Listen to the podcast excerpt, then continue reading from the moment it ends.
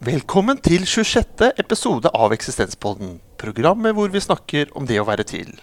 Mitt navn er Erling Berrum, og i dag har jeg fått besøk av tre gjester som skal delta i Eksistenspoddens første gruppesamtale. En samtale som tar utgangspunkt i spørsmål som jeg har forberedt, men som gjestene ikke har fått kjennskap til på forhånd. Dagens gjester er sokneprest og aktivist Sunniva Gylver, lege og yogafilosof Kari Mæland og forfatter og filosof Lars Svendsen.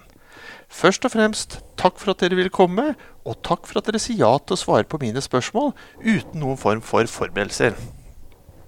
Mitt første spørsmål er ikke et eksistent spørsmål i seg selv, men et spørsmål som jeg har stilt meg selv ofte siden jeg var barn. Hvorfor snakker vi mennesker så sjelden om det å være til som menneske med hverandre? Om vår eksistensielle ensom, ensomhet, dødelighet, relasjoners sårbarhet, livets mening osv. Hvorfor snakker vi så lite om det? Er det noen av dere som har noen umiddelbare tanker eller reaksjoner på det? Jeg, kunne bare tenke meg å dele en erfaring av det. fordi eh, Da jeg var 23, så leste jeg en bok som het 'Kjempende livstro' av Viktor Frankel. Som da var jødisk psykiater og fange- og tilsynslege i konsentrasjonsleir under krigen. Og han er veldig opptatt av mennesket som det meningssøkende vesen. Jeg er ikke ekspert på han, altså. Men det jeg husker, var at jeg satt igjen med en opplevelse av at eh, han starta med å sitere Nietzsche at den som vet hvorfor han lever, kan tåle et nesten hvilket som helst hvordan. Altså at det å snakke om disse tingene, det å bli bevisst eller jobbe meg gjennom hva som gjør livet verdt å leve, og hva som gir mening, eh, gir slitestyrke i møte med livets utfordringer. Da. Og så bestemte jeg meg for at dette var spennende, dette har jeg lyst til å spørre folk om. Så jeg bestemte meg for den våren at jeg skulle spørre alle jeg satt ved siden av på trikk og tog og buss, om uh, hva som gjorde livet verdt å leve. Og det var rart, altså. For det var utrolig mange Dette var jo i tiden med Aftenposten i fullformat. sånn. Så folk forskanset seg bak avisene og flyttet seg til andre seter og tenkte åpenbart at hun hadde en skru løs og sånn. Men det ble jo også utrolig mange spennende samtaler. Litt forskjell på toget til Ski eller til Jan stasjon da, og til Bergen. Men mange sånne ferdige og uferdige samtaler om hva som gjør livet verdt å leve. Og jobben verdt å gjøre, og ja, hva som gir mening, da. Og jeg tenker kanskje at mange er klar for å snakke om det, men du må liksom ha en invitasjon. Altså Du må ha et eller annet rom som på en eller annen måte legger opp til det. Eh, vi nordmenn er jo lydige, så får vi beskjed om å sitte i gruppearbeid og snakke om kjærligheten eller eh, freden på jorda, eller hva det er. Så gjør vi det. Men på en eller annen måte så må vi være med og skape de rommene. Da, legge opp til de samtalene. Fordi det er jo krevende i en tid hvor ting går fort. Og kanskje ikke minst nå hvor vi har skjermen tilgjengelig når som helst. Så skal det litt mye til at vi bare tenker sånn langt ut. Jeg, jeg er helt enig med deg. Jeg tror at det er viktig å skape rom for de samtalene. Og jeg tror at vi er klar for å snakke om det. Men at tidligere så har kirkerommet vært Eller hva skal vi si Kirken har skapt et rom for den type samtaler. Jeg tror filosofien kan være et rom for sånne samtaler, men er det i mindre grad i den moderne filosofien enn det har vært tidligere. Og jeg syns at den filosofiske refleksjonen er viktig nettopp av den grunn at det bringer opp spørsmål rundt mening og hvem vi er. Altså Den type spørsmål er for meg helt sentrale i filosofien. Det er også noen som eh, arrangerer eh, filosofikafeer og, eh, og, egne filosofimøter.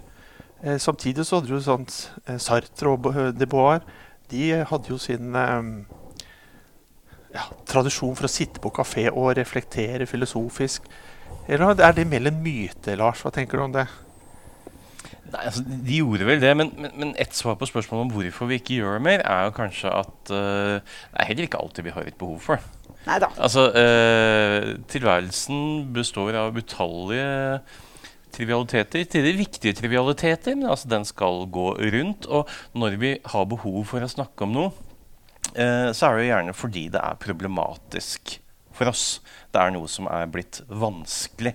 Hvis vi ser for oss en, en slags sånn teflonbelagt verden hvor alt eh, bare fløt friksjonsfritt til enhver tid, der vil det ikke være behov for filosofi. Altså filosofi, Behovet for å filosofere og da over de store tingene, er jo noe som melder seg når tilværelsen ikke går på skinner. Når det eh, skrubber litt, eh, når det ikke helt går opp. Men kan Og- det også være, hva med takknemligheten, da? Over storheten når du står under stjernehimmelen eller et eller annet. Det er ikke alltid trøbbel, er det det? Nei, altså eh, den erfaringen der av liksom det voldsomt store, det sublime som overskrider hva du er i stand til å fatte, det kan selvfølgelig også vekke en, eh, en, en filosofisk undring. Men, men jeg tror ikke det er, det er noe riktig i den beskrivelsen vi finner hos Platon og Aristoteles om undringen som filosofiens kilde. altså Taumasein er jo det greske begrepet de bruker. Og det er ikke en sånn gladundring. Altså Den undringen de beskriver her, det er en sånn dypt foruroligende. Eh, ikke sant? Du har rota deg bort litt i hodet ditt. Du finner ikke helt opp og ned på ting. På samme måte Heidegger beskriver eh, filosofien som en slags eh, eh, nicht aus und einwissen. Altså det å ikke vite ut og inn. Eh, Wittgenstein sier eh, grunnformen til et filosofisk spørsmål er 'jeg kan ikke orientere meg'. Så det er en type rådvillhet som er utgangspunktet for filosoferingen, tror jeg. Og så er det sånn at i hverdagen vår så er vi ikke rådville til enhver tid. Altså de, veldig mange hverdager er sånn at de, de surrer og går, og ting går rimelig greit. Men tilværelsen av, vi er utsatte vesener, vi er sårbare vesener. Eh, vi går på tap, vi har smertelige erfaringer. Og det er særlig da den, det, behovet melder seg for å eh, foreta en slags eh, reorientering i tilværelsen. Så tror jeg kanskje at vi nok burde gjøre det mer enn hva vi gjør. At vi kunne altså bli flinkere til å ta tak i de mulighetene for faktisk å se litt nærmere på de livene vi lever. Når de mulighetene byr seg. Ja, og det, jeg tror det er noe med måten vi stiller spørsmålene på. For jeg husker Første gangen jeg da begynte å snakke mye om disse tingene etter å ha lest den boka, så var liksom spørsmålet hva er meningen med livet? Og da ser jeg jo ganske mange, både av venner og andre, hvor liksom eh, eh, filteret går ned, og øynene blir glass, og, og litt sånn 'Dette er ikke min greie'. Men når jeg da spurte til konkrete erfaringer når Del en erfaring av en gang hvor livet var verdt å leve, og hvorfor var det det? Da hadde jo plutselig alle noe å melde. Så jeg tenker også det er både filosofiens og teologiens og mange andres eh, felts oppgave å stille spørsmålene eller bringe temaene inn på en måte som ikke bare er egnet for de som kan sitere litt som du sa i stad med, med moderne filosofi. da, Som ikke bare kan sitere veldig eh, avansert eller abstrakt eller eh, hva skal vi si, intellektuelt preget filosofi. Altså Unger er jo verdens beste filosofer. Og det er jo liksom 'Hvorfor er himmelen blå?' 'Kommer katten til himmelen?' og eh, ja, altså som fødes ut av hverdagen. da. Og jeg tenker jo, jeg tror du har helt rett at det handler mye om når vi, når vi er i trøbbel. Og det, som prest møter jeg jo det mye. Så jeg må av og til minne meg på at det fins en god del mennesker her i verden som ikke er i krise eller ikke kjenner på livets sårbarhet. Men jeg tenker jo også at livet blir utrolig mye rikere ved å ha den der lille ekstra tiden til en sånn liten detour. Hvorfor er det sånn? Eller hva er dette? Eller wow? Eller nettopp å, å beholde den undringen da, som jeg tenker at barn veldig ofte har, og som jeg tenker at veldig mange voksne enten ikke får tid til, eller ikke har språk for lenger, eller glemmer, eller tror at uh, sånne som dere og meg da, skal sitte og holde på med. Og jeg tenker at uh, Det er veldig lett å dra i gang sånne samtaler. Hvis noen av oss gjør det, så kan vi lage det rommet hvor som helst. Og vi kan også lage det ganske lett. fordi min opplevelse er litt sånn at kanskje særlig i vår kultur da, at det er litt sånn Nå er vi alvorlige. Og da snakker vi alvor, da. Og så skal vi ut og ha det gøy. Mens jeg tenker jo livet er hele tiden utrolig mye både glede og smerte. da. Og at, at det å hjelpe oss selv og hverandre til å kunne håndtere den bredden litt sånn parallelt, og ikke tro at vi alltid må gå veldig sånn delt i de rommene, det tror jeg også gjør det lettere for de som sørger å være med på festen. for å si det sånn.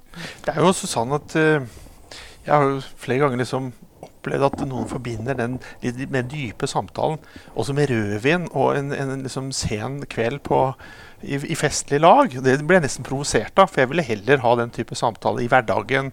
Eh, egentlig litt mer hvor som helst. fordi eh, du, si, du sa Lars at man hadde liksom rotet seg bort, men man faller jo noen ganger ut av livet òg. Man, man sklir ifra. Det er jo også de som gjør det. Hvor det tilsynelatende går går bra, men det går ikke bra. De, de, de faller ut av livet.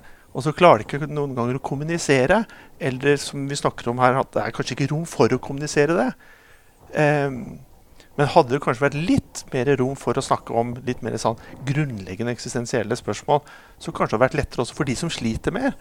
ehm, også i hverdagen.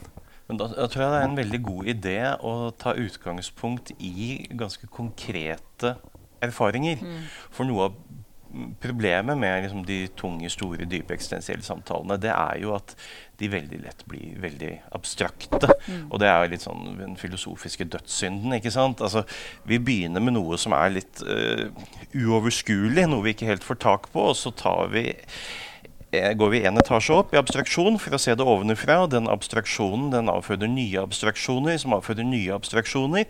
Og så etter relativt kort uh, tid så har du mistet fullstendig av syne det utgangspunktet du hadde for å begynne å filosofere. Og da ender du opp med en sånn erfaringsløs, egentlig ganske irrelevant filosofi.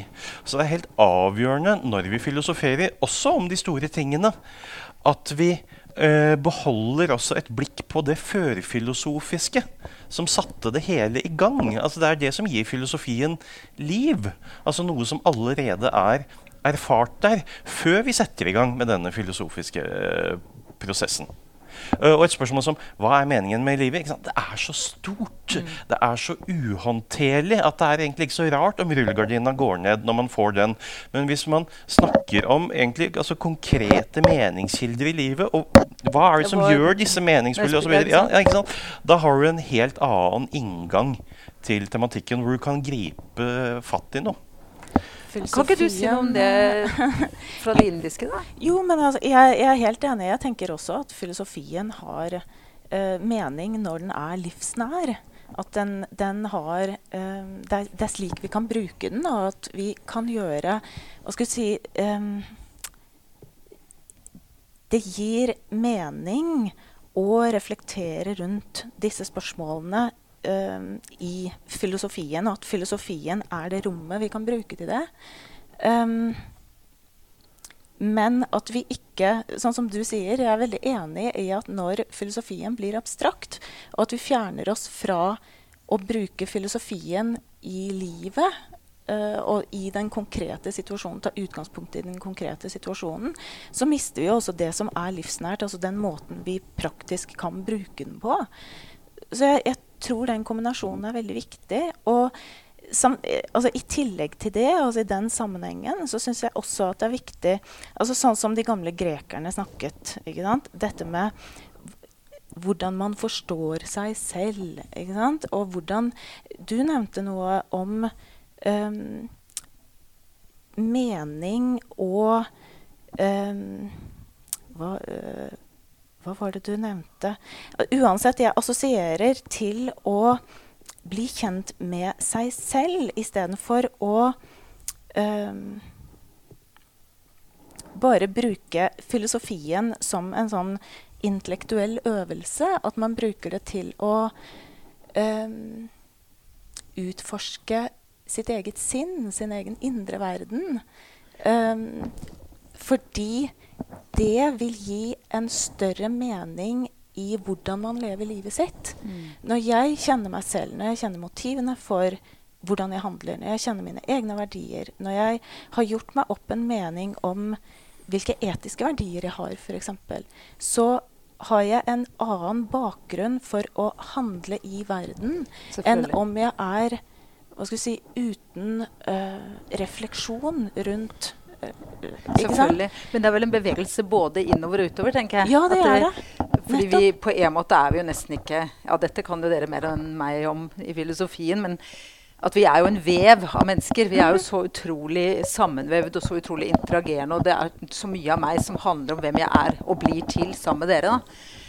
Men jeg tenker jo det nettopp dere er inne på i forhold til å, å, knytte det opp til konkrete livserfaringer, det blir jo veldig sånn satt på spissen, tenker jeg, for teologien. fordi at hvis en tro som ikke er forankret i kroppen og i hverdagen og i alle de etiske dilemmaene jeg står i hverdagen, den blir jo likegyldig. Altså, da blir det en sånn, et åndelig religiøst hjørne som jeg kan besøke sånn en gang iblant.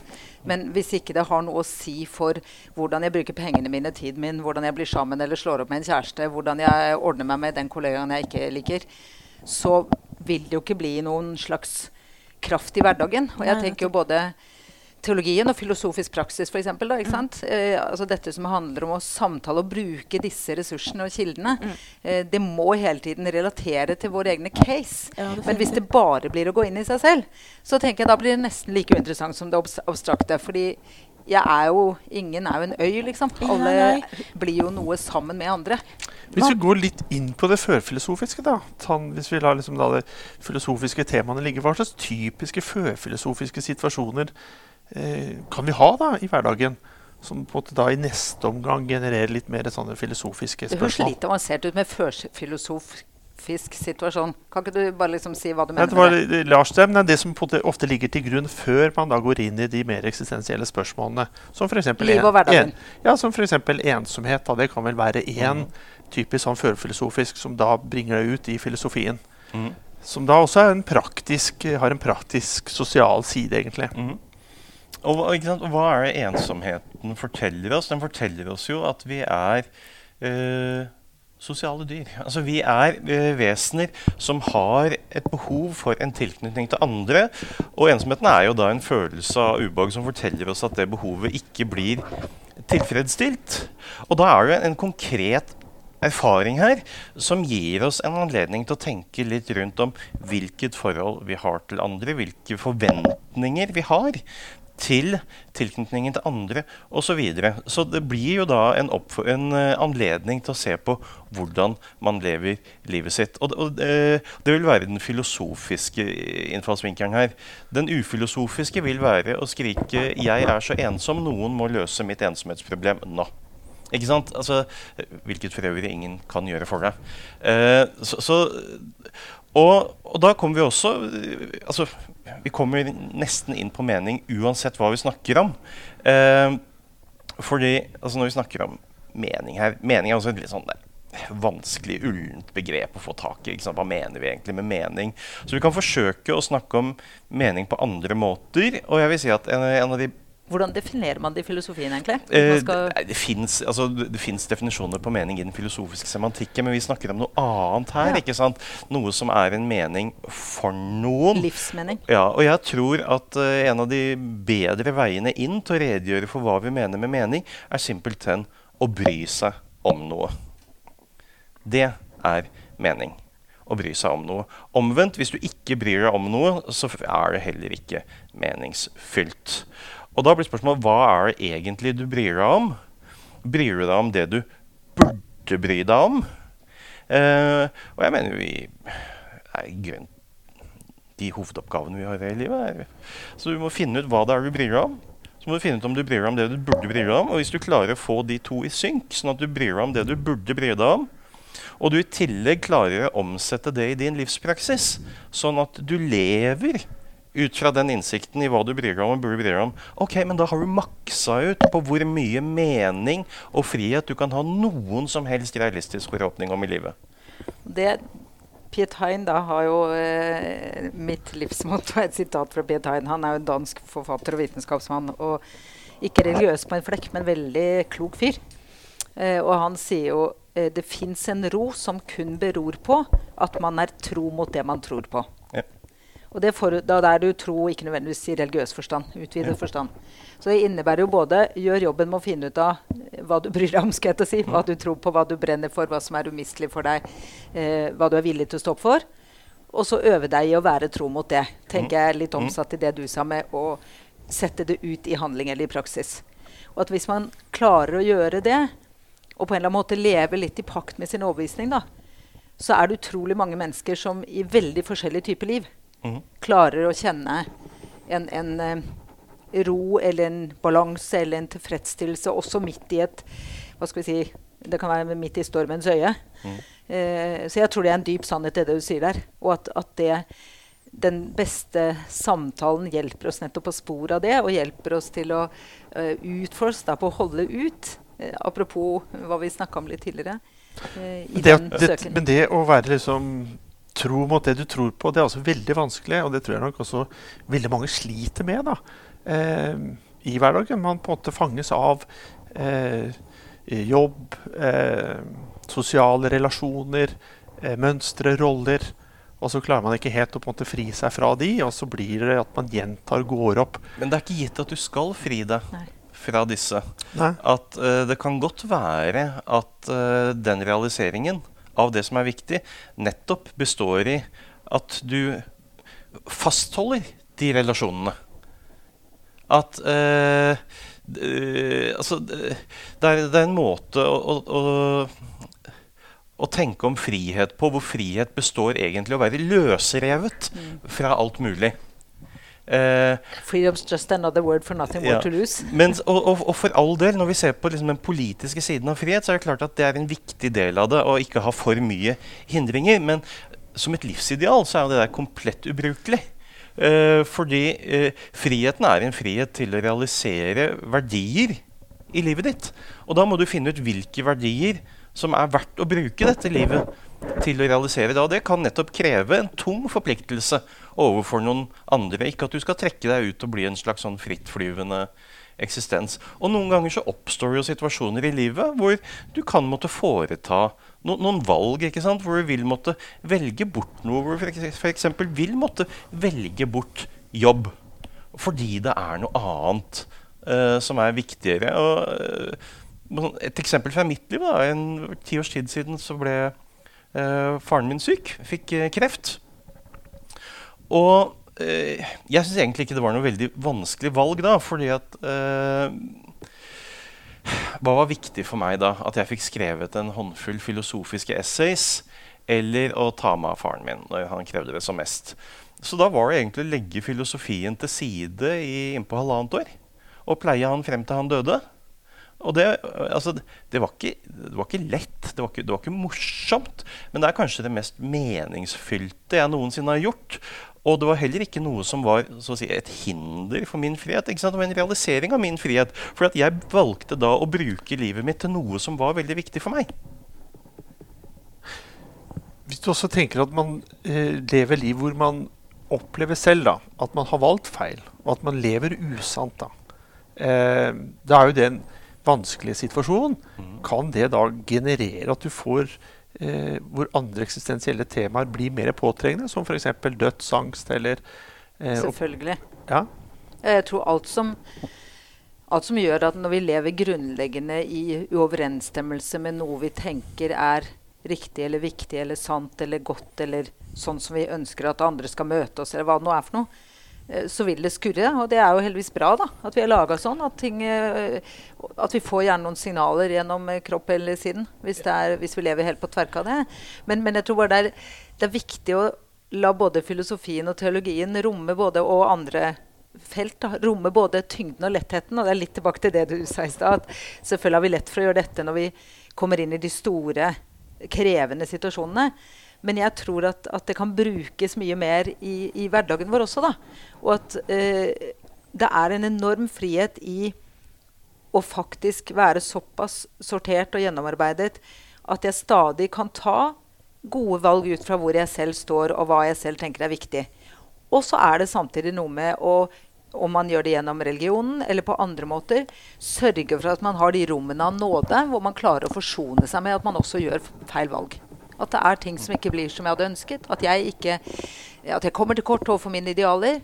At jeg må ha nye sjanser. For hvis ikke jeg lager de rommene av nåde eh, for meg selv gjennom min livstilnærming eller min erfaring med Gud, hva det måtte være, så vil jeg ofte ha vanskelig for å gjøre det i forhold til andre òg, tenker jeg da. Så, så det å, å både kunne kjenne på en frimodighet i forhold til egne ressurser, og, og til å ha noen ambisjoner om å ja, hva du sa i stad, Lars, altså bry seg om å ha en praksis som er i takt med det. Hva jeg bryr meg om, hva jeg tenker er viktig. Og samtidig eh, forsone oss grunnleggende med at vi er mennesker. da. Det har jo vært mye diskusjoner med folk om det med synd. ikke sant? De syns Kirken er så forferdelig som snakker så mye om synd. Eh, Det er jo fascinerende for meg, for jeg hører veldig sjelden at folk snakker om synd, egentlig. Eh, også i Kirken. Jeg tenker vi kan gjøre det mer. jeg. Men poenget er jo hvordan vi gjør det. Og at jeg tenker at ordet arvesyn er jo Jeg skjønner at folk syns det var litt ubrukelig, men som en dansk eh, dikter sa, Søren Ulrik Thomsen, han sa først syntes jeg det var et forferdelig ord. Og så skjønte jeg nåden i at det det sier, er at vi som mennesker, vi synder fordi vi er mennesker. Sånn er et av grunnvilkårene. At vi både er fantastiske og med masse muligheter, og at vi også stadig går på snørra. Og jeg tenker Det å klare å, å, nærme oss livet på den måten at vi vet at vi kan se både storheten i oss selv og andre, og samtidig forsone oss med at både vi selv og livet stadig går på tverke. Og hvis vi da kan måtte reflektere over det, ta tid nok For meg så handler kanskje filosofi og teologi og sånn også om å bare få slakket litt på tempoet innimellom. Nok til at du får tatt den lille refleksjonen. Ikke at det trenger å bli kjempesvært og sjubindsverk og store samtaler, men den derre lille hm. Ja. Og jeg tror også det er viktig å altså, Noe av det fine med filosofien er at du i en viss forstand eh, kan bli litt mindre selvopptatt. Altså, du kan få et blikk utenfor deg selv som ikke nødvendigvis bare handler om å rote rundt i ditt eget sjelsliv. Du kan i en viss forstand også se deg selv utenfra, og du kan plassere deg inn i en sammenheng, og du kan få en type overblikk. Og jeg tror Når vi snakker om dette med liksom, å finne ut hva som er viktig for deg osv. Det er veldig, det tror jeg er helt avgjørende at man ikke er for selvbevisst ja, når man gjør de viktige tingene. Uh, fordi du kan tenke deg Sett nå da at du finner ut at din misjon er å hjelpe herreløse katter. Fett nok, altså. Jeg, jeg, er veldig glad i dyr, så det, det, det er helt, helt, greit. Men altså, hvis du da vier din, din, din ledige tid da, til hjemløse katter, så kan du gjøre det av litt ulike grunner. Du kan gjøre det fordi du virkelig bryr deg om kattene. Eller du kan gjøre det fordi du er, har veldig lyst til å være en person som er veldig opptatt av hjemløse katter. Og i det siste tilfellet så vil det antagelig ikke gi så veldig mye mening til tilværelsen din. Fordi det er ditt eget jeg snarere enn noe meningsgivende som har rykka inn i sentrum. ikke sant? Så det er også det å kunne gi seg hen til noe utenfor seg selv, uten alltid å ha dette veldig selvbevisste blikket. Så når vi er opptatt av å finne mening i tilværelsen, så er det også eh, ganske avgjørende at, at den meningen i en viss forstand kan være et slags biprodukt. Den er ikke det du sikter deg direkte inn på, for da bommer du. Eh, så ja, eh, og, der tror jeg også det, det, filosofiske blikket kan være til en viss hjelp, ved at du kan så å si, kanskje bli noe flinkere til ikke å la ditt eget jeg til enhver tid komme i veien. Ja, men her synes jeg det hadde vært veldig interessant, Garn, for du kan jo dette med Eller jeg har i hvert fall lest indisk filosofi. For Jeg bare lurer på, jeg blir skikkelig nysgjerrig. Hvordan er den opplevelsen av jeget og på en måte den eh, altså, vil, Jeg vil ikke tenke at det kanskje var mindre individuelt, da, og nettopp mindre sånn selvskuende. Eh, men, eh, altså, jo, hva tenker du ut fra det Lars sier? Altså, generelt så er det jo vanskelig å kategorisere indisk filosofi på samme måte som det er vanskelig å kategorisere Vestens filosofi, ja. for det er så divers. ikke sant? Så ja. først og fremst må man si det. Og samtidig um, Man skal snakke om jeget. Altså um, I Vesten så knytter vi jeg-opplevelsen veldig mye til tenkningen, til det rasjonelle, og spesielt til filosofien. ikke sant? Um, og hvor jeg opplever meg selv som det som foregår i hodet mitt. ikke sant? Uh, mens i hvert fall i deler av den indiske filosofien så forestiller man seg at det ligger noe bak det. ikke sant? Og det er jo uh, grunnen til at meditasjonen er så sterk i Østens tradisjon. Det er jo nettopp det at man tenker seg at tanken springer ut av noe som er dypere, som er en type bevissthet. Og at det er det som er på en måte det egentlige jeget. Og at det er liksom et, et rom for den opplevelsen jeg har av å være meg tenkningsmessig. Um, så ja, hvis man skal si liksom hvem, hvem er jeg i verden? Um, igjen så tenker jeg at ja, jeg, jeg, er også veldig enig i dette med at vi um, vi implementerer oss selv i verden og finner mening i alle mulige trivielle ting. Men dette med å implementere la oss si verdier da, gjennom disse trivielle tingene, måtte det være kjærlighet eller sannhet eller hva det nå er som er viktig for meg, det vil skape mening. Og mer mening i den grad jeg tar, gjør dette som bevisste valg. Og det er jo det du eh, har et eksempel på når du forteller om deg og din far. ikke sant? Hvor du har et, et en type verdi som du implementerer i verden. Dette er noe jeg vil gjøre. Dette er eh, et type menneske jeg ønsker å være i verden. Slik at avhengig av hvilke situasjoner som oppstår, så responderer jeg på denne måten. Og det tenker jeg Ja, det tror jeg er meningsgivende.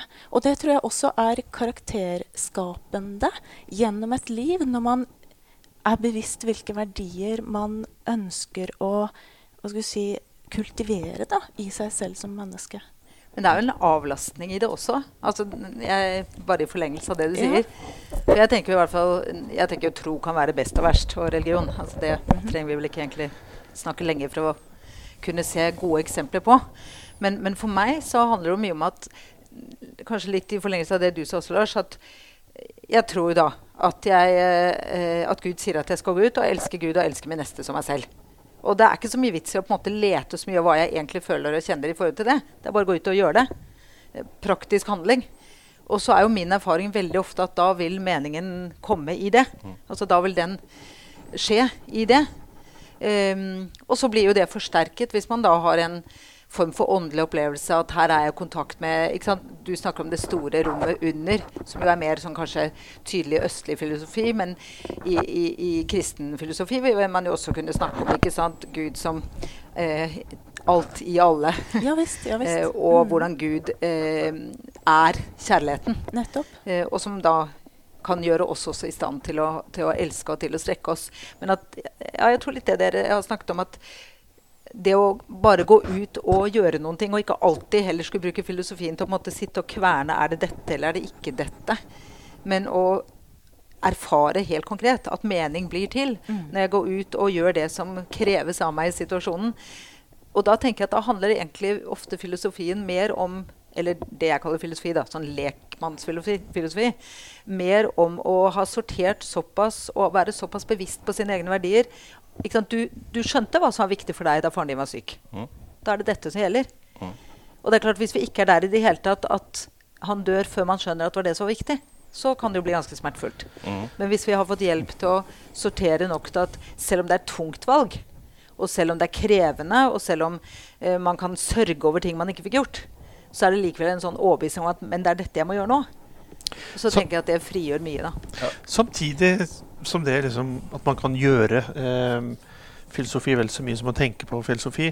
Men samtidig så er det så mange som du snakket om tidligere, Lars, som roter seg bort, og som sliter. Og som har liksom store vanskeligheter da, eh, med eget liv. Selv om de har noen tanker og ideer om hvilke verdier de har, og hva de ønsker å være, og hva de ønsker å gjøre. Og likevel så syns de det er veldig vanskelig og uhåndterlig. Mm. Eh, hva kan vi si til dem for å gi gi de en bedre hverdag? Liksom? Altså, jeg tror det er veldig begrensa hva du kan si til dem. Eh, fordi altså, Det er ikke sånn at det er en quick fix. Altså, hvis, filosofi handler dypest sett om eh, selvrefleksjon. Det handler om din betraktningsmåte. En sånn selvrefleksjon kan ikke delegeres bort. Jeg kan ikke gjøre det for noen andre. Det jeg i høyden kan bidra med som filosof, det er at jeg kan stille opp noen måter å tenke om det på, og vise hvorfor den måten å tenke om det på ser ut til å funke ganske dårlig. Den måten å tenke om det på kanskje er litt mer lovende. Og så må hver og en gjennomføre den refleksjonen der på egen hånd. Altså En sånn type ferdigtygde svar er jo komplett ubrukelig. Eh, fordi, fordi det er ikke det er, ikke, det er ikke tatt i Altså, det er ikke Internalisert. Nei, ikke sant. Så, så, så dette er noe hver og en må, må, gjøre, må, gjøre, selv. Så en sånn type instant philosophy vil være altså, grunnleggende misforstått. Samtidig så er det jo slik at vi, vi, lever jo ikke isolert fra hverandre. Vi lever jo i hverandres verden. Ja. Så min selvrefleksjon preges jo også av mine medmennesker. Mm. Så litt tilbake til dette her måten vi prater til hverandre, hva vi prater om. Eh, jeg tenker på liksom, Hvordan kan vi på en måte bidra til hverandres selvrefleksjon på en god måte, da?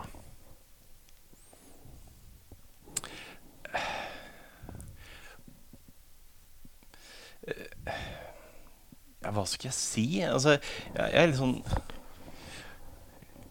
skulle gå bort og liksom spørre noen Er du egentlig lykkelig? Altså, det, det, er, det er et veldig nærgående Ja, vi snakket tidligere innledningsvis om dette her med å liksom skape og finne de rommene. Ja. Noen ganger så har man det gjennom det er liksom kafeer er klart definerte temaer for å snakke om det, litt eh, filosofiske, eksistensielle spørsmål. Men så tenker jeg som i en hverdag da, med mennesker eller et menneske som opplever liksom, eh, hvor det er liksom, kanskje litt overfladiskhet, uegentlighet eh, i hverdagen, og at man gjerne skulle liksom hatt et rom med sine medmennesker for å prate litt mer om det som angår en. Hvordan skape det rommet, Så, da? så, så tror jeg, det er, jeg tror det er vanskelig å uten videre skape det rommet. For Hvis man setter seg ned at nå skal vi være skikkelig dype sammen eh, Det fungerer jo ikke alltid så bra. Så jeg vil si at de, virke, altså de samtalene jeg har hatt som virkelig har utgjort en forskjell, hvor jeg har sett noe jeg ikke har sett før, tenkt noe virkelig uttenkt, fått et nytt perspektiv, de er jo kommet uh, litt sånn ut av det blå. Det er litt som nåden, ikke sant? Den, den, den, eh, den, den, den, den melder seg plutselig. Uh, så det, det, du, du har dette fenomenet også. Det plutselige. Det er noe som bryter inn i verden, som du ikke kan Kan ikke legge inn en bestilling på det, altså. Men det er vel, jeg tenker igjen da, for jeg, jeg deler veldig ditt anliggende om å, å på en måte komme i møte det, eh, den søknen som jeg tenker mange har. da. Men det ene er at jeg tror det er noe med å ikke snakke ned hverdagen unødvendig heller. For altså det fins tilgjengelig i hverdagen alt dette her. For ellers kan det bli litt sånn at hvis jeg ikke er en sånn som kan sitte i Lotus eller eh, dra på retreat eller spa, eller altså et eller annet, så er liksom ikke dette noe for meg. Mens jeg tenker at eh, det kan handle om å bare legge bort telefonen og øve seg i nærvær på en eh, stasjon hvor du venter på 37-bussen, og kjenne fotsålene. Så det er et eller annet med å få det liksom tatt det ned. Og det andre er jo at jeg, det er jo noe av luksusen da, ved å ha en sånn jobb jeg har. Og nå vet jeg ikke hva, jeg vet jo, kjenner jo ikke dere egentlig. Sånn, dere, men jeg opplever jo at det å være sydlig prest og gå med en preste-T-skjorte, det gjør jo at det er sånne samtaler hele tida. Altså midt oppi alt mulig annet. I badstuen og på tredemøllen og øh, på kafeen. Så jeg opplever egentlig ikke at det trenger å være så svært og så annerledes. For jeg tror av og til vi gjør um, den tenkningen eller den samtalen veldig annerledes enn alt annet. Mens jeg tenker at den, eh, jeg opplever det når jeg går tur med bikkja i parken. liksom, Stadig vekk. Så, så jeg tr tror det er, vi, vi, skal, vi skal se at vi må prioritere det. Vi skal se at vi må lage noen rom, at det kan kreve litt. Men vi skal heller ikke omgi det med et sånn, nesten sånn esoterisk lys på at her er noe som, som veldig mange ikke får til. da. For jeg opplever at det er mange hverdagsfilosofer. Altså, det er nok at trikken er forsinka, liksom. Så står vi der og filosoferer om et eller annet.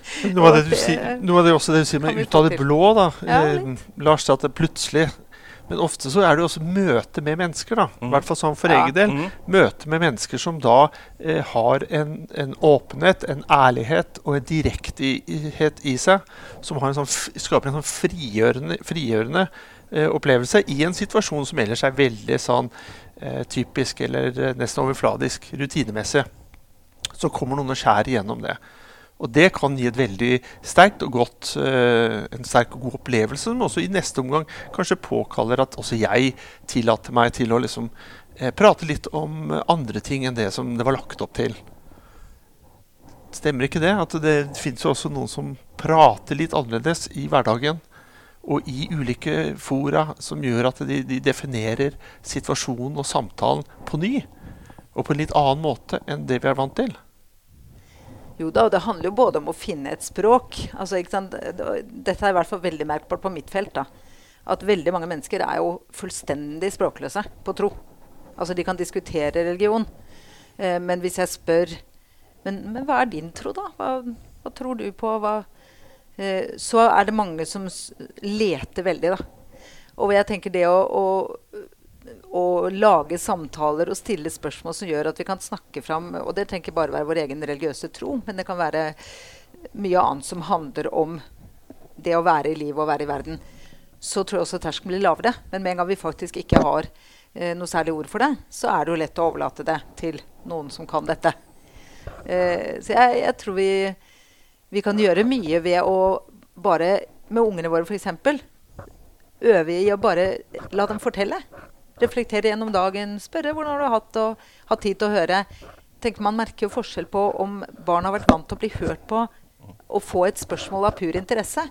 Hvordan har du det i dag, eller hva har du opplevd, eller hvordan var den kampen egentlig, eller hvorfor er matte så dritkjedelig eller dritgøy, eller Så tenker jeg helt fra starten, hvis vi bare kan få øve oss i å dele erfaringer og refleksjoner som et eller annet naturlig.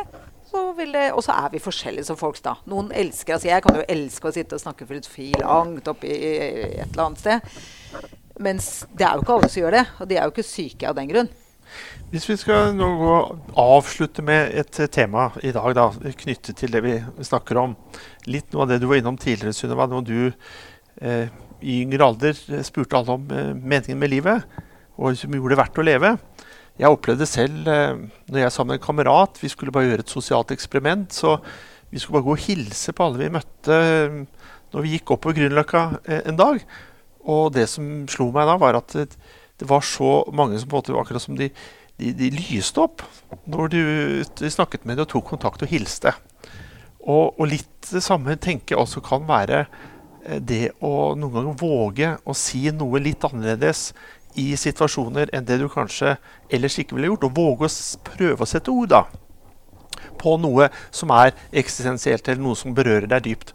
Og, og våge si det, for da blir kanskje mottaket ikke så eh, ille som man kanskje tror. Hva tenker dere om det om at vi skal liksom våge kanskje si litt mer om våre verdier og hva som er viktig for oss, og, og hva vi tenker på litt dypest sett også. Ikke alltid, Lars. Jeg vet du ikke vil at vi skal gå rundt og filosofere sånn hele tiden, men at vi også tillater oss å filosofere litt mer med hverandre i hverdagen, selv om vi kanskje mangler litt ord. Hva tenker dere om det? Jeg tenker at det er et veldig godt forslag. Uh, jeg tenker at uh, filosofisk refleksjon kan vi veldig gjerne gjøre mer av. Um, og jeg tror altså Når du snakker om at mennesker søker ja, jeg tror at veldig mange har lyst til å snakke mer om disse temaene. Uh, og at det å åpne for disse temaene, ikke nødvendigvis som veldig alvorlige, store samtaler, men som hverdagssamtaler, er en veldig god idé. Altså, jeg, uh, jeg, jeg, tror at det er veldig meningsfylt for mange. Uh, og i og med at det er noe jeg er opptatt av, så opplever jeg sånn som Sunniva, at, at jeg syns jeg har ganske mange sånne samtaler. Så jeg, jeg, opplever det ikke som deg at vi ikke snakker så mye om det. Jeg, I min omgangskrets er det mange som snakker om det med meg. Uh, men jeg tror at det også kommer litt an på om man har noen i sin, sine omgivelser som har et språk for det. Mm. Som er, er interessert nok til å ha utviklet et språk for det. For der handler det også om det som du snakket om, om å kunne relatere til ulike måter å tenke på. Det er jo ikke nødvendigvis sånn at fordi uh, jeg tenker noe, og det er naturlig for meg, så er det riktig, og det er riktig for alle. Det er dette med filosofiens ulike innfallsvinkler til måter å tenke på. Uh, og der, hvis man er åpen for det og ser at det fins alternative måter å tenke på, og kan på en måte sette ord på det i samtale, så kan man få veldig mange gode samtaler som ikke nødvendigvis blir abstrakte av den grunn, men som kan trekkes veldig ned i noe livsnært. Det, for jeg har jo F.eks. i fjor begynte jeg at jeg strevde sånn med det der å skulle Når jeg skulle si god natt og god jul og god ferie og godt nyttår til folk, som jeg jo ganske fort fikk vite ofte at hadde store utfordringer i livet sitt. For det finner man jo fort ut som prest ofte. Og hvor jeg begynte å si 'god jul' midt i alt som er. 'God lørdag' midt i alt som er. Og sant, bare med noen små ord så opplevde jeg at da kunne noen også slippe til gleden. Fordi de skjønte at jeg anerkjente at her fins det mye mer at når jeg sier 'god lørdag' til deg, så er det ikke fordi jeg da har glemt at du egentlig står oppe i en utrolig krevende situasjon. Men derfor likevel ønske deg en god lørdag midt i det som er vanskelig. Og jeg tror Hvis vi kan liksom lete litt var, sant, det, Så er det mine ord. Men at hvis vi kan finne våre egne ord på å speile livets mangfold, da, så tror jeg også det er lettere å slippe til gleden. For min opplevelse er at for en del så blir det vanskelig å slippe til gleden hvis ikke jeg kan samtidig være trygg på at det anerkjennes hvilke usynlige kapper jeg står i. Altså Særlig når de er usynlige. da. Så blir liksom man må minne folk på dem. Men hvis måten vi snakker sammen på, eh, og spørsmålene vi stiller, kan romme det der spennet, så blir det også lov til å være glad, da, for å si det enkelt. Jeg vet ikke om jeg klarer å si det bra nok, men skjønner du hva jeg mener? Veldig. Jeg er veldig enig med deg. Det... An å anerkjenne både sorgene, altså alle aspektene i livet. Mm. Det tror jeg folk gir mennesker anledning til å um, kunne vise det hele. Mm. Fordi vi er veldig flinke til å anerkjenne bare det positive hos hverandre og ønske det positive hos hverandre. Så det å anerkjenne også dybden av både det positive og det negative gir oss rom som hele mennesker. Det tror jeg er veldig viktig. Mm. Og samtidig kunne nettopp si 'god lørdag', da. Ja, ønske det gode. nettopp. nettopp. Men er det rom for å våge mer? Liksom underdriver vi eh, eh, frykt, Eller overdriver vi frykten for at vi ikke skal bli forstått eller tatt imot når vi eh, uttrykker eh, Det er jo alltid en risiko. Ja. Altså, teologen Løgstrup snakker jo om hvordan vi i enhver sånn situasjon vil ha et, det, måte ha et annet menneskes liv i våre hender. ikke sant? At når, jeg, når du snakker med meg, jeg snakker med deg, så er det en form for overgivelse i det. Så du kan jo ikke vite. Selvfølgelig, Noen kan ha en dårlig dag, og noen kan være rett og slett kørka. Og noen kan være skadet av mange ting. Så det er et risikoprosjekt.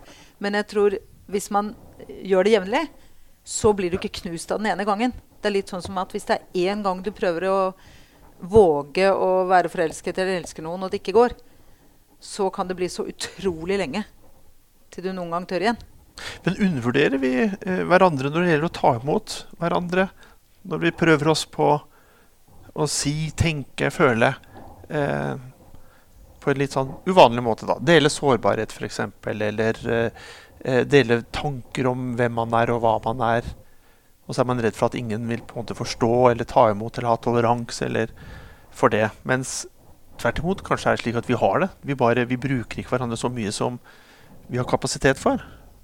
Ja, Det er nok også sant. Jeg tenker Det er begge deler. Og jeg tenker at man må, man må tåle at det er begge deler. Eh, og, og, så er det noe med at hvis det er første gang man skal dele noe, eller våge, som du sier, da, så er det kanskje noe med å, å prøve å kunne gjøre det overfor noen som man har enten fått litt tillit til, eller har grunn til å tenke at de har kanskje rom for å møte meg der jeg er nå. Eh, og det kan man jo gjøre f.eks. i møte med en filosof i filosofisk praksis, eller i møte med en prest eller en psykolog eller en, et godt medmenneske eller naboen, hvis det er en klok fyr eller dame. Men jeg tror det er noe med å kunne øve seg litt de første gangene i møte med noen som man har begynt å få litt tillit til. Eh, for ellers så kan det bli kanskje litt ekstra tungt da, å skulle prøve igjen. Men da skader jo heller ikke at vi er klodens mest tillitsfulle be befolkning. Nei, det er sant. eh, så eh, Sånn sett så er vi godt posisjonert for å få den type umiddelbarheten, da eh, som er helt avgjørende for at den type samtale skal fungere. Hvor vi ikke holder hverandre på den armlengdes avstanden. For selv om vår selvforståelse gjerne er at vi er disse veldig isolerte særvesenene her oppe i nord, som er veldig vanskelig å komme inn på, så er det faktisk stikk motsatt. Uh, vi er ganske umiddelbare med hverandre. Vi er ganske åpne uh, for hverandre. Uh, men det er ikke nødvendigvis noe vi løper rundt og skilter med hele tiden. Men, og, men den, den, tilliten der, den, den, åpenheten vi i bunn og grunn har, det er nok en av de viktigste ressursene vi har. Så, øh, og det fine med tillit er jo at den som oftest viser seg å være korrekt plassert. Syns du vi tar i bruk den ressursen der godt nok, eller er det rom for å ta i bruk hverandre enda mer? jeg, jeg, er vel tilbøyelig til å si at uh, det er umulig å svare generelt på. på. Ja. Ja, altså Men det er jo en fornybar ressurs, da. Det er det fine. Jo mer tillit uh, man uh, viser og er i gang med, jo mer blir det ofte skapt. da, Hvis det ikke er en selvfølgelig destruktiv relasjon eller en, et maktmisbruk. Ja, selvfølgelig er det situasjoner. Men ofte, hvis man først og det, det er noe det synes jeg er fine på norsk. da, Tillit staves jo likt forfra og bakfra. Mm. Så det minner jo på en måte på gjensidigheten. At er, den er noe vi lager i dette mellomrommet, men noen må jo ofte ta initiativet. Da er vi helt på slutten. Eh, og da pleier jeg å spørre om dere har noen visdomsord eller eh, livsmotto eller fyndord som eh, dere gjerne vil dele med lytterne. Er det noen her som har noe sånn umiddelbart i pannebrasken? Tja, altså, det var et spørsmål du stilte tidligere som vi egentlig aldri fikk et svar på, eller du svarte litt, eh, som gikk på om hvorvidt eh, fraværet av refleksjon også kunne slå ut i dødsangst eller lignende. Og da, da kom jeg til å tenke på en formulering Adorno har et sted hvor han sier at eh, frykten for døden er ikke en frykt for hensidige, det er en frykt for ikke å ha levd. Altså Det er en frykt for å ha rota bort den ene sjansen man fikk. Og hvis man klarer å sortere litt i hodet, sånn at man får en sterkere bevissthet om hva det er man virkelig bryr seg om. Og man klarer å få omsatt det i hvordan man uh, lever livet sitt. Jeg tror ikke det er fullt så vanskelig å dø heller. Ja, jeg sa jo mitt livsmotto i stad, ja, men det er jo forlengelsen av det du sa nå. Så kan jo gjenta Pithein. Ønskereprise. Det fins en ro som kun beror på at man er tro mot det man tror på. Det er et bra arbeidsprosjekt og elske Gud og mennesker og verden, da. Karin, har du noen Jeg slutter meg til de andre to, og, ja. og er også enig i det at uh, Kjenn deg selv. ikke sant? Selvrefleksjon mm. som en sånn kjerne i livet, og å leve ut ifra. Det tror jeg er viktig. Da takker jeg dere alle tre for uh, mange gode refleksjoner. Og så takker jeg også deg som lytter, for å ha fulgt oss uh, denne gangen. Vi høres igjen og inntil da, ha det bedre enn bra.